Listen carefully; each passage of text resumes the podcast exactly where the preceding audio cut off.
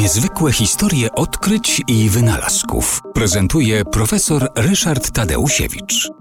Obecnie jednym z zastosowań techniki kosmicznej, jednym z e, powodów wysyłania satelitów na orbitę jest e, to, że stwierdzono, że obserwując Ziemię z kosmosu można łatwiej przewidzieć pogodę na Ziemi, dlatego że pokrywy chmur e, widziane właśnie z kosmosu wskazują na zjawiska i pozwalają prognozować zjawiska meteorologiczne o wiele lepiej niż obserwacje prowadzone tylko na Ziemi.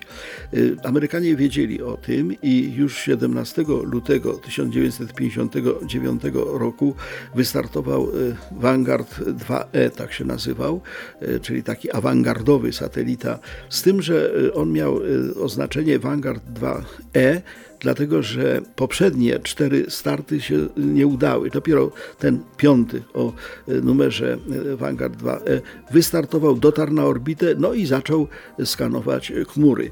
Wtedy jeszcze nie było tak dobrych aparatów cyfrowych, wobec tego on obserwował powierzchnię Ziemi i powierzchnię chmur w sposób bardzo zabawny, mianowicie wirował 50 obrotów na minutę. To był taki walec.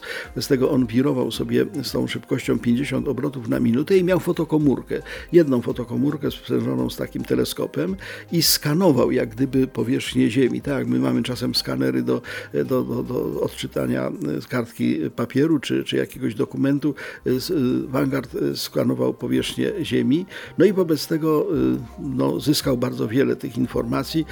Podczas każdej orbity czas obiegu Ziemi dla tego satelity wynosił 125 minut. Przez 50 minut przelatywał nad częścią oświetloną i wtedy rzeczywiście skanował te powierzchnie chmur, rejestrował, skutecznie rejestrował na taśmie magnetycznej, no i potem przesyłał to do, na Ziemię. E, takie przesłanie paczki informacji trwało około 6 sekund. No, wszystko było dobrze, z wyjątkiem tego, że meteorologów te dane nie, zado, nie zadowalały. Okazało się, że wszystko się udało, z wyjątkiem tego, że oś wirowania była źle zorientowana w przestrzeni.